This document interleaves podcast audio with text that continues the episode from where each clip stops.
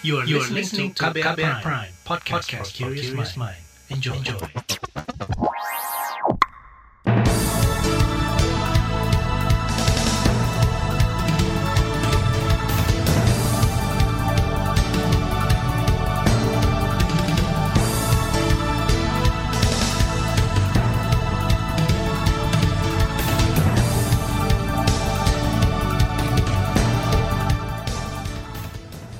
Selamat pagi saudara, senang sekali kami bisa menjumpai Anda kembali melalui program Buletin Pagi edisi Senin 24 Oktober 2022. Bersama saya Naomi Liandra. Sejumlah informasi pilihan telah kami siapkan di antaranya DPR minta obat impor penyakit ginjal akut digratiskan. Elektabilitas Anies Baswedan terus tempel Prabowo Subianto. Kongres Masyarakat Adat Nusantara dimulai hari ini di Papua. Dan inilah Buletin Pagi selengkapnya terbaru di Buletin Pagi. Saudara, hingga akhir pekan kemarin kasus penyakit ginjal akut di tanah air mencapai 241 kasus dengan persentase kematian 55 persen atau 133 pasien meninggal. Pasca mencurigai tiga zat pemicu penyakit ginjal akut yaitu etilen glikol EG, dietilen glikol DEG, dan etilen glikol butil eter EGBE. Kementerian Kesehatan pun segera mendatangkan obatnya dari luar negeri. Menurut Menteri Kesehatan Budi Gunadi Sadikin, sebanyak 200 vial obat antidotum atau Pizol didatangkan dari Singapura. Uji coba juga dilakukan terhadap 10 pasien di RSCM Jakarta. Hasilnya cukup menggembirakan.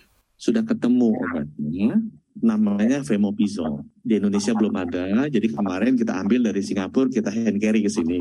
Kita coba dulu, karena kita dengar kan, ini bisa antidotnya istilahnya.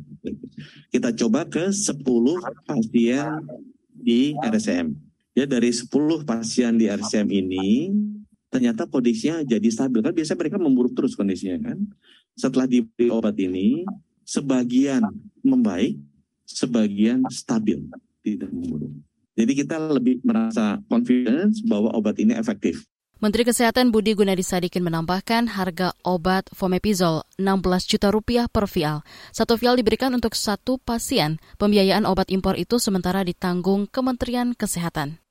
Saudara, hingga saat ini kasus penyakit ginjal akut ditemukan di 22 provinsi. Kasus terbanyak ada di DKI Jakarta. Selain menanti distribusi obat penyakit ginjal akut dari pemerintah pusat, Dinas Kesehatan DKI Jakarta bertekad akan terus meningkatkan edukasi ke masyarakat. Edukasi dilakukan dengan melibatkan tim penggerak PKK dan Posyandu. Kepala Dinkes DKI Jakarta Widya Stuti menegaskan selama ini kader-kader PKK dan Posyandu sudah sangat dekat dengan masyarakat. Data Dinas Kesehatan DKI Jakarta hingga akhir pekan kemarin ada 86 kasus penyakit ginjal akut di DKI Jakarta dengan 55 persen atau 47 pasien meninggal. Data ini kita dapatkan karena peran serta aktif bagi dari semua puskesmas, dari semua rumah sakit yang dari DKI Jakarta. Eh, kami melakukan uh, semacam aktif aktif case finding, penemuan secara aktif masalah ini menyisir data-data yang ada di rumah sakit maupun yang ada di puskesmas dengan tujuan semakin cepat diketahui, semakin cepat dideteksi, insya Allah semakin cepat ditanggulangi. Kepala Dinas Kesehatan DKI Jakarta Widya Stuti menambahkan instansinya sudah melarang sementara pemberian resep obat sirup untuk anak-anak. Sementara itu, Dinas Kesehatan Nusa Tenggara Barat menyatakan akan meningkatkan pemantauan aktif dan pelacakan kasus untuk mencegah penyakit ginjal akut pada anak. Sebelumnya, tiga anak bergejala gagal ginjal akut meninggal sejak dua bulan terakhir. Ketua Ikatan Dokter Anak Indonesia IDAI NTB, Nurhandini Eka Dewi menjelaskan, ketiga anak yang meninggal berusia 8 bulan, 11 bulan, dan 6 tahun. Ketiganya berasal dari Lombok Barat dan Bima. Penyakit ginjal akut seharusnya sudah terdeteksi sejak dua bulan terakhir, tapi sayangnya kasusnya tidak dimasukkan di sistem kewaspadaan dini dan respons. Anggota Komisi Kesehatan DPR Rahmat Handoyo juga mendorong pemerintah mempercepat penanganan penyakit ginjal akut pasca pemerintah membeli obatnya dari Singapura. Rahmat mendorong obat injeksi Fomepizol diberikan gratis kepada pasien agar angka kematian bisa ditekan. Mendukung penuh langkah pemerintah dengan mendatangkan impor. Saya kira obat dari mana pun eh, pemerintah harus uh, memang sudah sepantasnya dengan menyediakan dan membeli untuk rakyat dan gratis buat masyarakat kita dorong karena ini adalah satu uh, kejadian sangat tidak mengenakan sehingga sekali lagi parlemen khususnya saya mendukung penuh langkah pemerintah dengan membeli obat apa namanya pesole ini sehingga menjadikan uh, kabar gembira dan harapan hidup pasien untuk sehat kembali itu semakin meningkat. Anggota Komisi Kesehatan DPR Rahmat Handoyo juga tetap mendorong pemerintah meningkatkan sosialisasi pencegahan penyakit ginjal akut kepada masyarakat. Misalnya terkait penghentian sementara konsumsi obat sirup dan berkonsultasi ke dokter bila memerlukan obat penggantinya.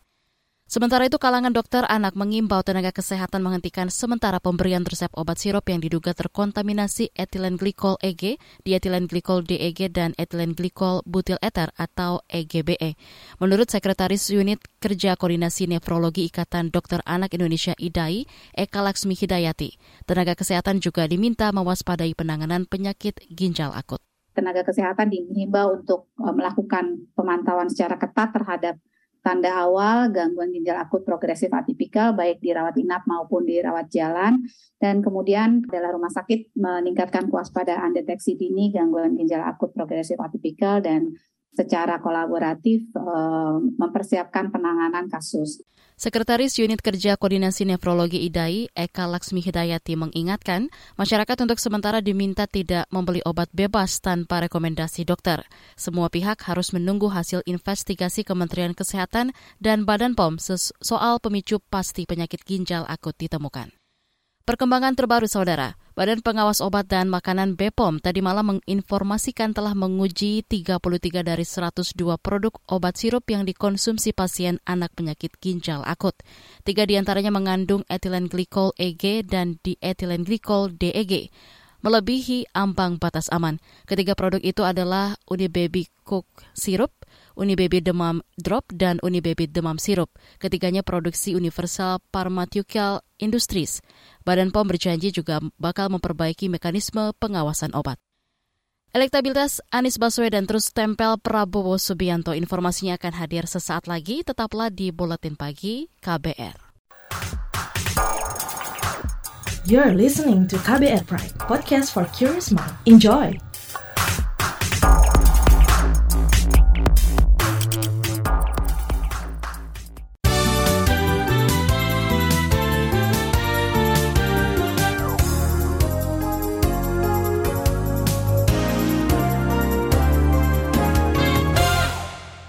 Anda mendengarkan buletin pagi KBR. Pemerintah mengakui pembangunan SDM masih menemui tantangan termasuk tingginya angka pengangguran. Untuk itu Wakil Presiden Maruf Amin berharap pembangunan ekosistem dan transformasi Balai Latihan Kerja Komunitas bisa mengatasi tantangan di bidang ketenaga kerjaan itu. Faktor-faktor tersebut antara lain perkembangan teknologi yang memaksa efisiensi tenaga kerja, diperparah dengan ketidaksigapan untuk beradaptasi terhadap perubahan yang amat cepat. Akhirnya kompetisi dunia kerja menjadi semakin ketat. Pembangunan ekosistem dan transformasi balai latihan kerja di dalam komunitas merupakan salah satu kebijakan yang saya nilai dapat menyasar permasalahan di lapangan. Wakil Presiden Ma'ruf Amin mengingatkan Balai Latihan Kerja difokuskan untuk meningkatkan kompetensi tenaga kerja informal dengan tingkat pendidikan sekolah menengah ke bawah. Selain itu, kurikulum pendidikan vokasi yang disusun BLK harus bisa menjawab kebutuhan industri akan tenaga kerja yang punya kompetensi dan berdaya saing. Saudara, tren elektabilitas Prabowo Subianto selama satu setengah tahun terakhir disebut cenderung stagnan. Direktur Riset Saiful Munjani, Research and Consulting SMRC, Denny Irvani, mengatakan dalam simulasi semi terbuka 45 nama calon presiden, perkembangan elektabilitas Prabowo dinilai tidak menggembirakan, bahkan terus ditempel Anies Baswedan. Selanjutnya yang warna orange, ini ada Prabowo kalau dari kepala dan ekor kita lihat eh, satu setengah tahun terakhir 20 persen menjadi 21 persen, artinya cenderung stagnan. Kemudian yang warna hijau adalah Anies Baswedan, ini menaik ya dari 11,2 persen menjadi 18,7 persen. Direktur Riset Saiful Mujani Research and Consulting SMRC Denny Irvani menambahkan, hasil survei dalam simulasi tiga nama menunjukkan elektabilitas Ganjar Pranowo mencapai 32 persen, Prabowo Subianto 27 persen, dan Anies Baswedan 26 persen. Survei dilakukan secara tatap muka pada 3 hingga 9 Oktober dengan 1.220 responden. Varian baru COVID-19 yakni XBB sudah ditemukan di Indonesia. Menteri Kesehatan Budi Gunadi Sadikin menegaskan akan terus memantau perkembangan penyebaran COVID-19 varian XBB. Pemantauan ini penting karena di Singapura misalnya jumlah kasus COVID-19 kembali naik hingga 6.000 per hari akibat varian XBB. Kita tahu Singapura yang tadinya cuma ratusan kasusnya sekarang naik menjadi 6.000 kasus per hari lebih tinggi dari Indonesia yang cuma 2.000 kasus per hari. Padahal penduduk Singapura tuh 5 juta, penduduk kita 270 juta. Hmm. Bayangkan ya, hmm. Singapura kasusnya sekarang naik lagi ke 6.000 per hari karena ada varian baru yang namanya XBB. Ya. Varian ini juga sudah masuk di Indonesia, kita amati terus. Menteri Kesehatan Budi Gunadi Sadikin pun meminta masyarakat waspada COVID-19 varian XBB. Caranya dengan kembali meningkatkan disiplin protokol kesehatan terutama pemakaian masker. Ahad kemarin jumlah kasus COVID-19 di Indonesia bertambah 1.600-an kasus. Terbanyak di DKI Jakarta dengan 640-an kasus, disusul Jawa Timur, Jawa Barat, dan Banten. Kita beralih ke berita ekonomi. Transaksi Bisnis Trade Expo Indonesia atau TEI ke-37 hingga Ahad kemarin mencatatkan transaksi hampir 3 miliar dolar Amerika atau setara lebih dari 45 triliun rupiah. Menteri Perdagangan Zulkifli Hasan menyebut sejumlah negara penyumbang transaksi terbesar adalah India, Jepang, Amerika Serikat, Malaysia, dan Mesir. Sedangkan 10 produk dan jasa ekspor yang tercatat transaksi terbesar selama ini memang masih didominasi apa yang selama ini terjadi. Satu kelapa sawit, ya, minyak kelapa sawit, andalan kita. Dua kertas dan produk kertas. Kelapa sawit itu 577 juta, kertas dan produk kertas 380 juta, Mendak Zulkifli Hasan menuturkan komoditas lain yang juga mencapai jumlah transaksi besar adalah produk pertanian, batu bara, makanan olahan, produk kayu, produk kimia, furniture, elektronik, peralatan listrik, dan rempah-rempah. Trade Expo Indonesia ke-37 digelar di ISBSD Banten hingga 23 Oktober. Beralih ke berita mancanegara, Xi Jinping akhirnya mengamankan masa jabatan ketiganya sebagai Sekjen Partai Komunis Cina sekaligus Presiden negara itu Kemarin, Xi Jinping juga kembali diangkat sebagai Ketua Komisi Militer Pusat. Pasca terpilih, Xi Jinping yang juga menjabat Komite Tetap Politbiro akan menentukan jalannya pembangunan Cina dalam lima tahun ke depan. Kontributor BBC di Cina melaporkan warga menyaksikan kongres partai secara cermat dan tidak merasa terkejut dengan hasil akhirnya. Sementara itu aktivitas masyarakat di platform media sosial Cina sangat dibatasi. Di Weibo misalnya, hanya media resmi yang boleh mengunggah berita terpilihnya Xi Jinping. Semua komentar dinonaktifkan kecuali komentar yang hanya memuji kepemimpinan Xi Jinping. Beralih ke berita olahraga. Ganda putra Marcus Gideon, Kevin Sanjaya gagal meraih juara di Denmark Open 2022. The Minions dikalahkan pasangan Fajar Alfian Muhammad Ardianto melalui pertarungan dua game yang sengit dengan skor 21-19 dan 28-26. Kemenangan Fajar Rian menjadi gelar juara pertama bagi keduanya di ajang turnamen level Super 750 sekaligus gelar juara keempat sepanjang tahun ini. Sementara itu, komposisi ranking BWF Ganda Putra 2022 pada pekan ke-42 berubah cukup drastis. Pasangan Markus Gideon Kevin Sanjaya yang sempat menempati posisi pertama peringkat BWF dunia kini merosot ke urutan ketiga. Sementara ganda putra Indonesia yang lebih senior yakni pasangan Hendra Ahsan berada di peringkat kelima. Disusul pasangan Fajar Alfian Rian Ardianto yang menghuni posisi keenam. Urutan teratas ganda putra terbaik dunia saat ini dipegang ganda putra Jepang Takuro Hoki Yugo Kobayashi. Di bagian berikutnya akan kami hadirkan laporan khas KBR bertajuk Reaksi Masyarakat Terhadap Kenaikan Suku Bunga Acuan. Simak usai jeda, tetaplah di Buletin Pagi KBR. You're listening to KBR Pride, podcast for curious mind. Enjoy!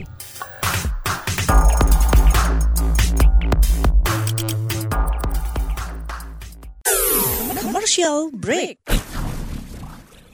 Warga negara Indonesia yang pernah bergabung dengan ISIS ada yang menyatakan ingin kembali atau balik ke Indonesia. Ada beberapa wartawan juga yang mempertanyakan sebetulnya kepulangan mereka itu ada payung hukumnya. Berbagai peristiwa terjadi di sekitar kita, mengundang tanya, memancing ruang-ruang diskusi. Ruang Publik membahas berbagai peristiwa yang hangat diperbincangkan publik, menghadirkan narasumber kompeten, membuka perspektif, dan mendorong hadirnya solusi dan narasi baru. Kalau ada keluarga kita yang punya urusan dengan aparat seperti jual beli mobil, lalu terjadi seperti pemaksaan, itu bisa dilaporkan ke polisi juga nggak ya?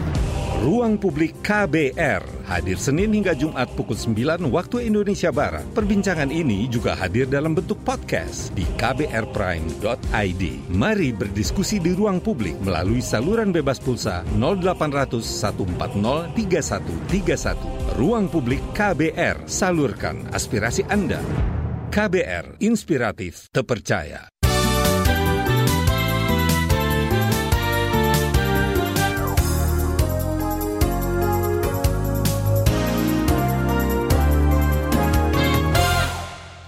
Anda masih bersama kami di Buletin Pagi KBR. Keputusan Bank Indonesia menaikkan suku bunga acuan diperkirakan akan berdampak pada masyarakat. Kebijakan ini akan mempengaruhi kredit jangka panjang seperti cicilan perumahan, kendaraan bermotor, dan lain-lain. Bagaimana masyarakat merespons kenaikan suku bunga acuan ini? Berikut kita simak laporan khas KBR disusun jurnalis Heru Haitami.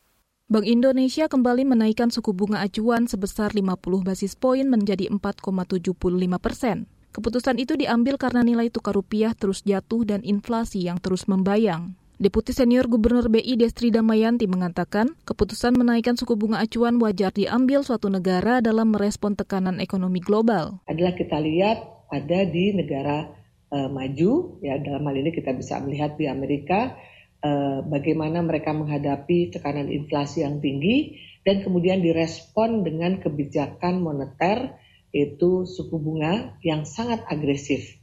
Sehingga ini akhirnya memberikan tekanan bukan hanya untuk negaranya sendiri, tapi juga untuk negara uh, maju di sekitarnya dan juga untuk negara-negara emerging country seperti Indonesia.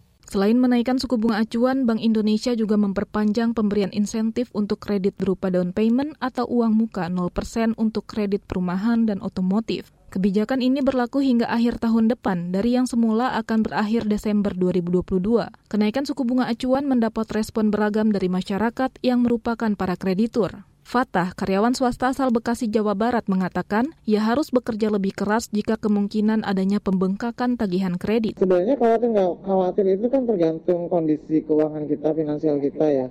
Kalau secara aku, aku yang aku rasain ya mau apa, mau gimana lagi ya.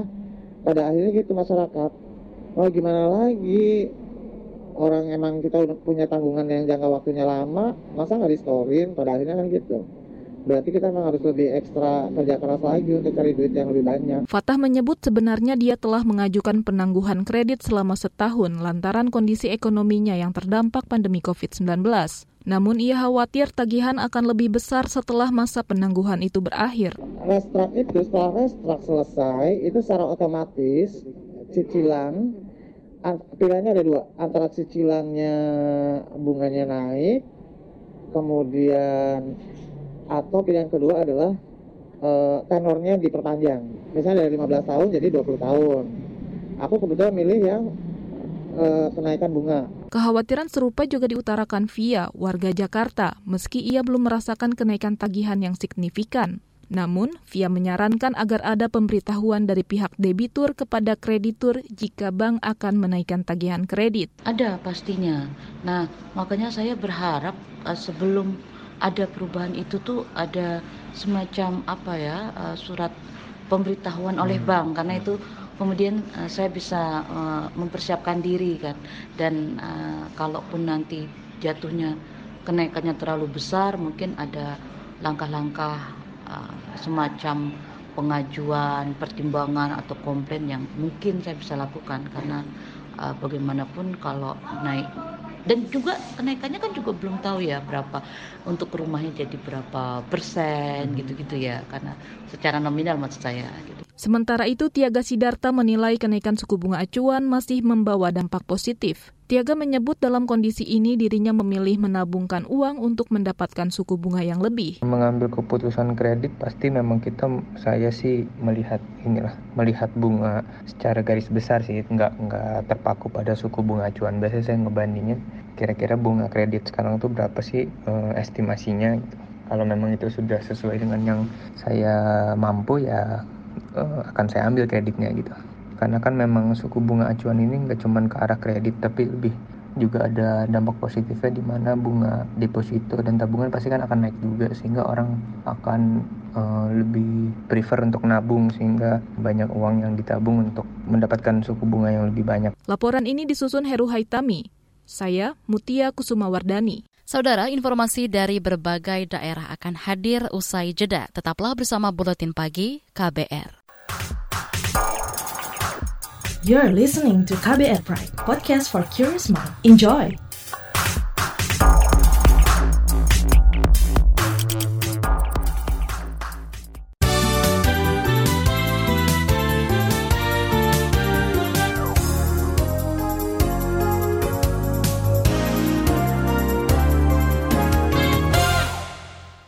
Inilah bagian akhir buletin KBR.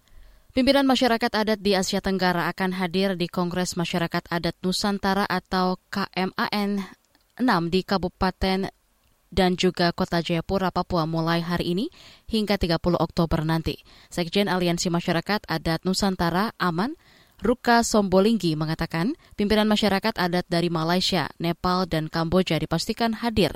Begitu juga perwakilan pemerintah serta DPR. Wakil Sekjen organisasi regional di tingkat Asia yang anggotanya ada di 17 negara Asia terdiri dari organisasi-organisasi masyarakat adat termasuk AMAN. Kemudian ada juga sekjen dari masyarakat adat di Nepal. Kemudian sekjen dari masyarakat adat se-Malaysia juga hadir.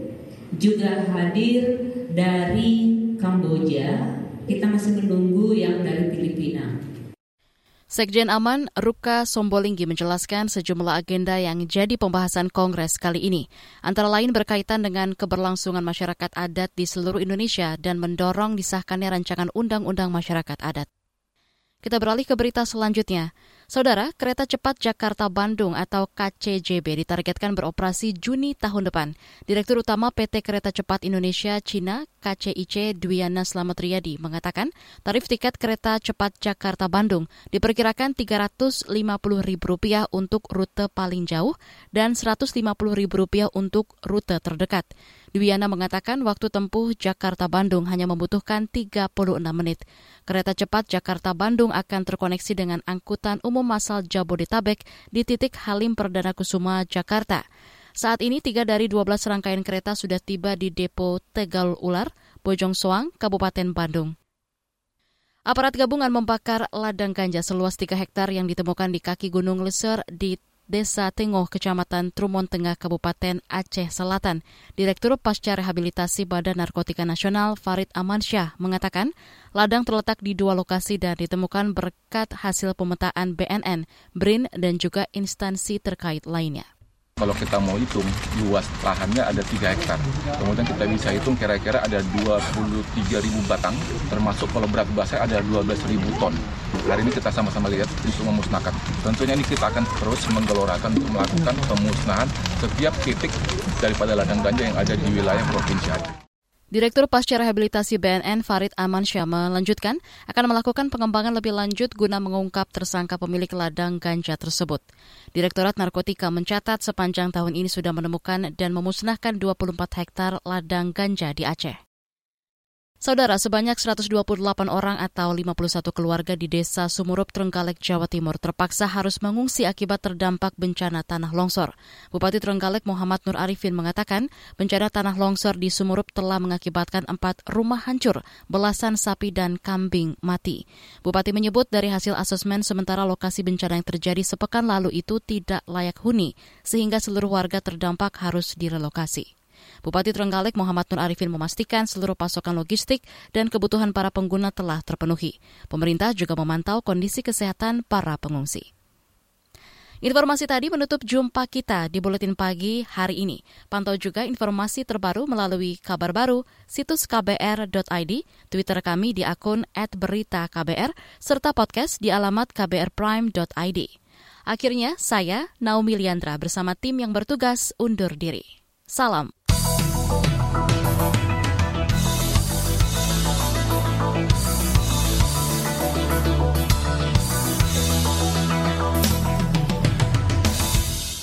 KBR Prime, cara asik mendengar berita. KBR Prime, podcast for curious mind.